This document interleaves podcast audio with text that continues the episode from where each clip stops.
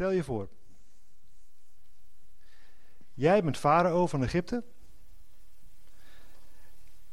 En dan komt Mozes naar je toe en die zegt: Laat mijn volk gaan. Als je dat niet doet, dan zal ik ervoor zorgen dat het hele land krioelt van de kikkers. In je huis, in je slaapkamer, in je bed, in de keuken, in de pannen. Overal krioelt het van de kikkers. Er zijn een paar magiërs bij jou. Die zeiden, wat hij kan, kunnen wij ook. Kijk maar. Nog meer kikkers. En dan roep je Mozes bij je.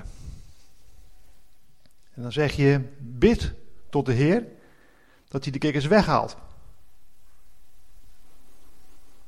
En dan antwoordt Mozes.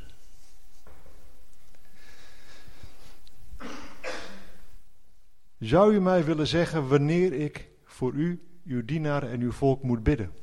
Dan zal ik bidden dat de kikkers uit de huizen zullen verdwijnen en alleen in de rivier zullen overblijven. Hij zei, morgen. Toen zei Mozes, ik zal doen wat u beveelt. Dan zult u toegeven dat er niemand is zoals onze Heer God.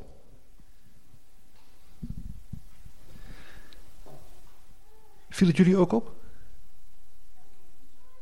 Die farao die kiest ervoor om nog een dag tussen die kikkers te zitten.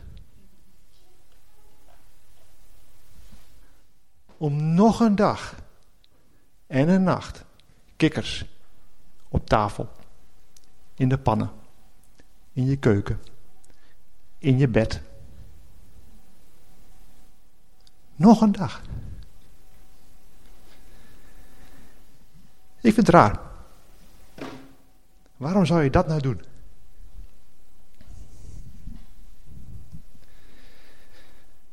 Ik geloof namelijk dat God best wel in staat was geweest om die kikkers meteen weg te halen.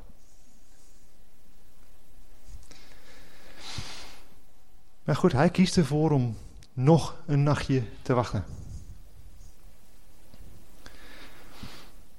Ik snap hem niet. Ik weet niet waarom hij dat doet. Misschien dacht hij, nou, die kikkers gaan misschien wel vanzelf weg. Misschien zorgt uh, Hekat, mijn afgod, die wordt afgebeeld als een kikker, als een godin, die uh, verantwoordelijk gesteld wordt voor de wedergeboorte van uh, de doden in het hiernamaals. En voor zwangerschap is ook belangrijk. Misschien dat die ervoor zorgt. Ja, het zijn kikkers en zij is een kikkergod, dus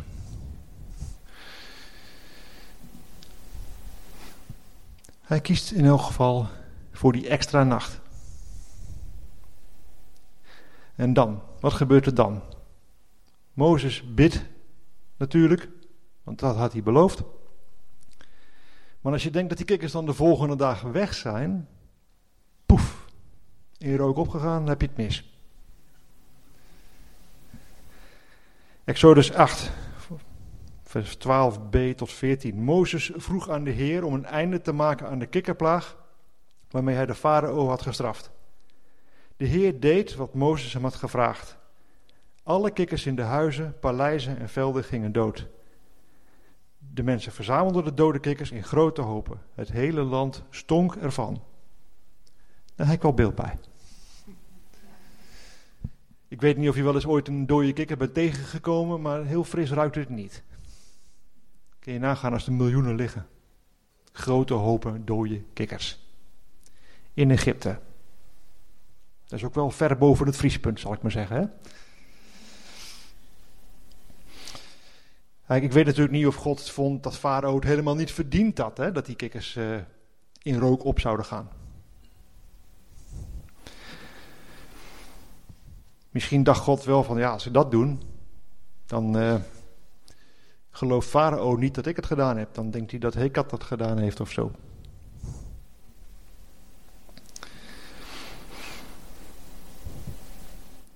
Kijk, de kikker was een heilig dier voor de Egyptenaren. En dat uh, symboliseerde de zegen van de Nijl. Maar God had wel laten zien al dat het aanbidden van goden van de Nijl zinloos is. Weten we nog, het water veranderde in bloed. Bijvoorbeeld. En als je die plagen zo nagaat, heeft heel veel te maken met de Nijl. Deze dus ook. Zinloos, volkomen zinloos om die goden te aanbidden. En dan heb je die domme magiërs nog, die zorgen dat er nog meer kikkers zijn. Hè? Nog meer kikkers dan die wat God al gestuurd had. Een deel van de zwaarte van die plaag hebben ze dus gewoon aan, hun, aan zichzelf te danken. De gewone Egyptenaar heeft het vooral te danken aan de eigen wijsheid van Farao en de domme actie van die magiërs.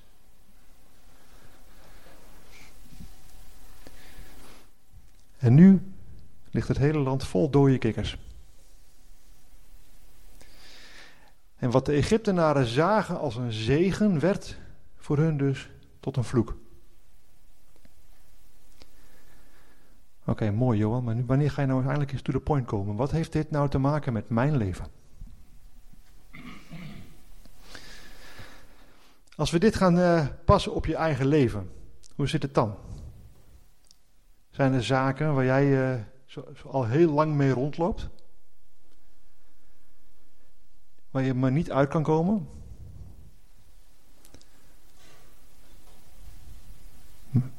Ik denk dat dat voor heel veel mensen geldt hoor. Misschien heb je daarvoor een uh, deel zelf schuld aan gehad. Maar je bent nooit naar God gegaan. Heel veel mensen. Hier staat er ook eentje. Waar het voor geldt. Te vaak is dat het geval. We blijven maar rondlopen met iets waar we zelf niet uitkomen. We gaan niet naar God terwijl we weten dat Hij ons kan helpen. Hij is de enige die het kan. Dat weten we. In Efeze 3, daar staat hij al. Daar staat: God is in staat om eindeloos veel meer te doen dan wij kunnen bidden of bedenken. Dat doet hij door de kracht die in ons werkt. Daarom is alle eer voor hem in de gemeente, dankzij Jezus Christus, voor altijd en eeuwig. Amen. Kijk, misschien schaam jij je voor die problemen. Dat je er zelf niet uitkomt en zo. We willen het zo graag zelf oplossen, hè? Misschien ben je te trots om hulp te vragen. Even een heel hard woord. Misschien is het wel tijd om je trots opzij te zetten. Misschien is het wel tijd dat je het niet langer uitstelt. Dat je naar God gaat. Vraag om hulp. God kan het en God wil het. Hij wil je helpen. Paulus heeft er ook al wat over te zeggen tegen de christenen in Korinthe, in 2 Korinthe 1. We willen dat jullie weten wat een grote moeilijkheden we in Azië, dat is het uh, huidige Turkije, hè, hebben gehad. Het was bijna niet te verdragen. We gingen er maar vanuit dat ons dood al was getekend. Zo leerden we dat we niet op onze eigen kracht moesten vertrouwen. Nee, we moeten altijd vertrouwen op God die de doden weer levend maakt. Dan zie je dus dat God wil dat we op Hem vertrouwen. Dat we naar Hem toe gaan. Dat we het niet op eigen kracht doen. En als je de Bijbel leest, dan zie je dat steeds weer terugkomen. Steeds opnieuw moedigt hij ons aan om naar Hem toe te komen, om geholpen te worden.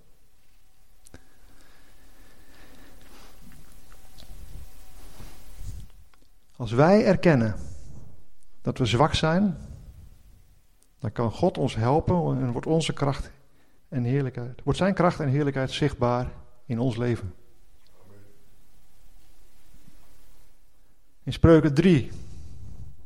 Vertrouw met je hele hart op de Heer en vertrouw niet op je eigen wijsheid. Overleg al je plannen met Hem, dan zal Hij je leven leiden. Of voor de meer grijzige mensen onder ons, hè? wij met grijze haren. Vertrouw op de Heer met uw ganse hart en steun op uw eigen inzicht niet. Ken hem in al uw wegen, dan zal hij uw paden recht maken. Lekker hè? Lekker die oude vertalingen.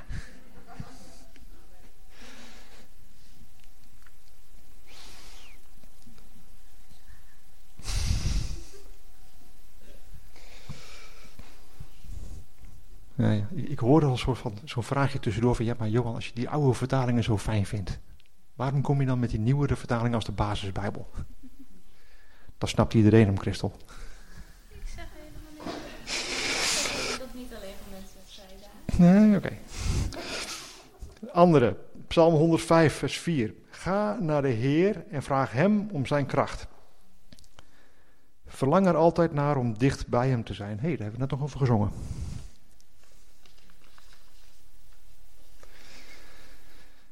De Heer zegt in Jeremia 17: Als iemand niet meer op mij vertrouwt, maar op mensen of op zichzelf, dan is hij vervloekt. Het zal slecht met hem aflopen.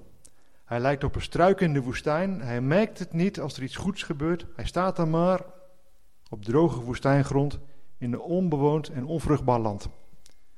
Maar als je op God vertrouwt, wat staat er dan? Dat gaat gewoon verder in vers 7 en 8. Als iemand op mij vertrouwt, zegt God, hè, zal ik goed voor hem zijn. Met hem zal het goed gaan. Hij lijkt op een boom die langs het water is geplant. Zijn wortels groeien tot aan de beek. Hij merkt de hitte niet eens. Zijn bladeren blijven altijd fris en groen. Als er een jaar geen regen valt, maakt hij zich geen zorgen. Er groeien altijd vruchten aan hem.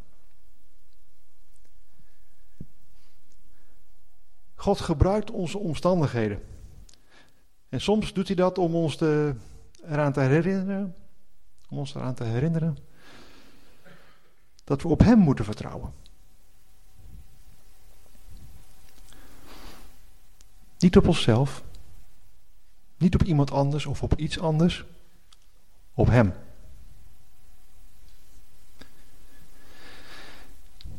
Ja, sta ik wel heel stoer te vertellen hier. Hoe zit het met jou, Johan? Nou, als ik heel eerlijk ben, ik kijk maar al te makkelijk naar wat ik zelf kan doen. Hoe ik het zelf kan oplossen. Ik kijk maar al te vaak ook naar andere mensen. Hoe die mij kunnen helpen. Als het al nodig is. Maar al te makkelijk blijf ik het zelf proberen. En ga ik pas naar God toe als ik er echt niet meer zelf uitkom. En dan nog. Niet meteen, hè? Ik kom er niet uit, maar ja. Hoe nu verder? En dan sukkel je zo nog een tijdje door. En een tijdje kan jaren zijn, hè? Maar ja, ik ben natuurlijk uniek. Jullie zitten hier allemaal van, nou, dat is dan jammer voor je dat je dat hebt, want ik heb daar echt totaal geen last van.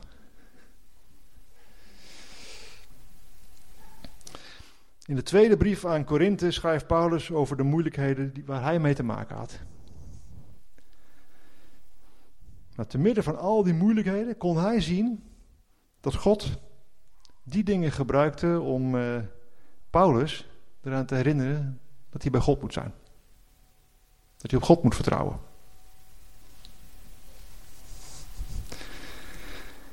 Je bent een tikkeltje aan de vroege kant, hebben. In hoofdstuk 11 zien we dat Paulus dingen beschrijft, de moeilijkheden waar hij mee te maken had. Gezeling, stokslagen, steniging, schipbreuk, gevaren van rivieren, de zee, verschillende vijanden hey, even hè. Wij hebben natuurlijk ook wel eens te maken met moeilijkheden, maar waar ik mee te maken heb, staat niet in verhouding. Ik loop niet het risico dat ik gestenigd word. Dat is mij nog nooit gebeurd en ik verwacht ook niet zo op korte termijn dat het gaat gebeuren.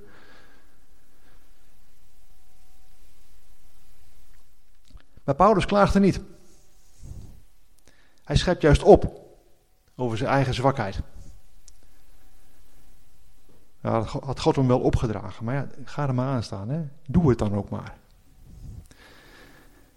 2 Korinthe 12, vers 9 en 10, daar staat: Hij zei tegen mij: Je hebt genoeg aan mijn liefdevolle goedheid. Want mijn kracht kan pas helemaal zichtbaar worden als jij zelf zwak bent. Daarom zal ik me al te graag opscheppen over de dingen waarin ik zwak ben. Want door die dingen is de kracht van Christus in mij te zien. Daarom ben ik erg bedroefd over alle moeilijkheden waar ik mee te maken heb. En zit ik er heel erg. Oh nee. Blij met alle moeilijkheden, beledigingen, problemen, vervolging en ellende die ik meemaak omdat ik in Christus geloof. Want pas als ik zwak ben, ben ik sterk in de kracht van God.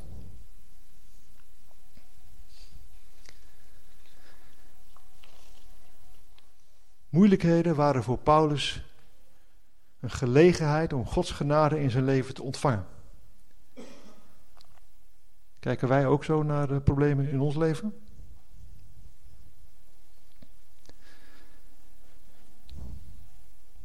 Misschien heb je moeilijkheden in je leven. Misschien wil God wel dat je leert om op Hem te vertrouwen. Hij heeft alles wat je nodig hebt. Gods kracht is pas goed te zien als jij zelf zwak bent. Maar durf je het aan? Durf je toe te geven dat jij het niet kan? Dat jij zwak bent. Dat je God keihard nodig hebt. Blijf niet nog een nacht tussen die kikkers zitten.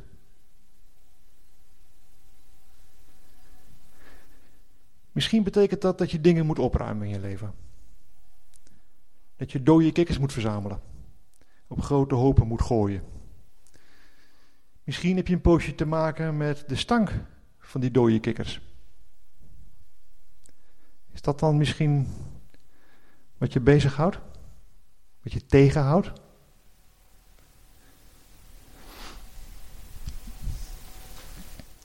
Zit je dus eigenlijk liever tussen de kikkers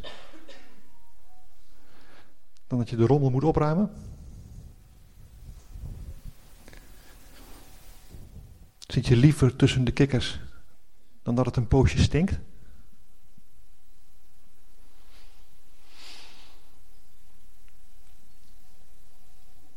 Dat je dus, om het in andere woorden te zeggen, een poosje te maken hebt met de gevolgen van waar je zo mee rondliep? Weet je, als die Egyptenaren de, al die kikkers gingen begraven, ik denk dat ze dat wel gedaan hebben eigenlijk, dan uh, zou het al heel snel minder worden met de stank. Hè? En dan duurt het niet heel lang voordat alles weg is. De stank weg is en ze helemaal niet meer denken aan die kikkers. En het ongemak wat die dode kikkers met zich meebrachten. Dan wordt het een verhaal van opa verteld, hè? Ja, opa, tuurlijk.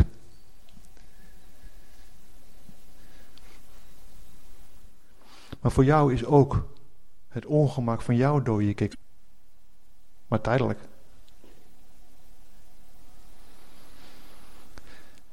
Farao was koppig. Hoe zit dat met jou? Ben jij eigenlijk ook koppig? In Matthäus hoofdstuk 5, daar staat: Het is heerlijk voor je als je begrijpt dat je God nodig hebt, want dan zul je het koninkrijk van God mogen binnengaan.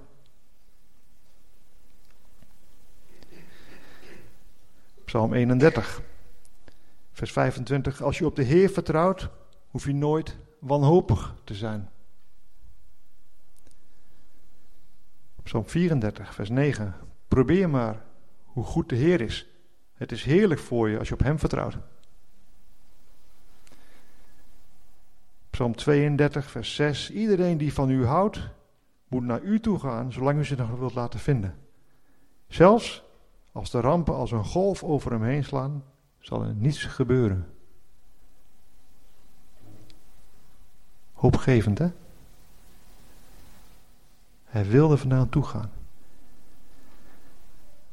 Dus nog een keertje mijn oproep.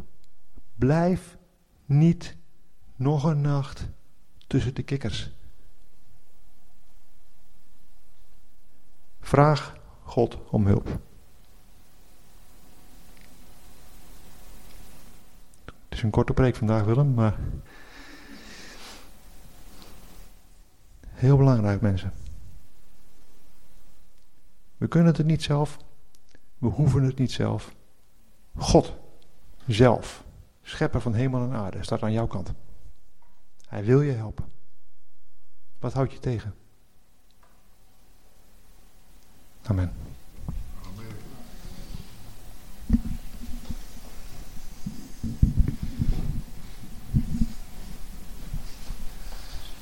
Amen. hoor.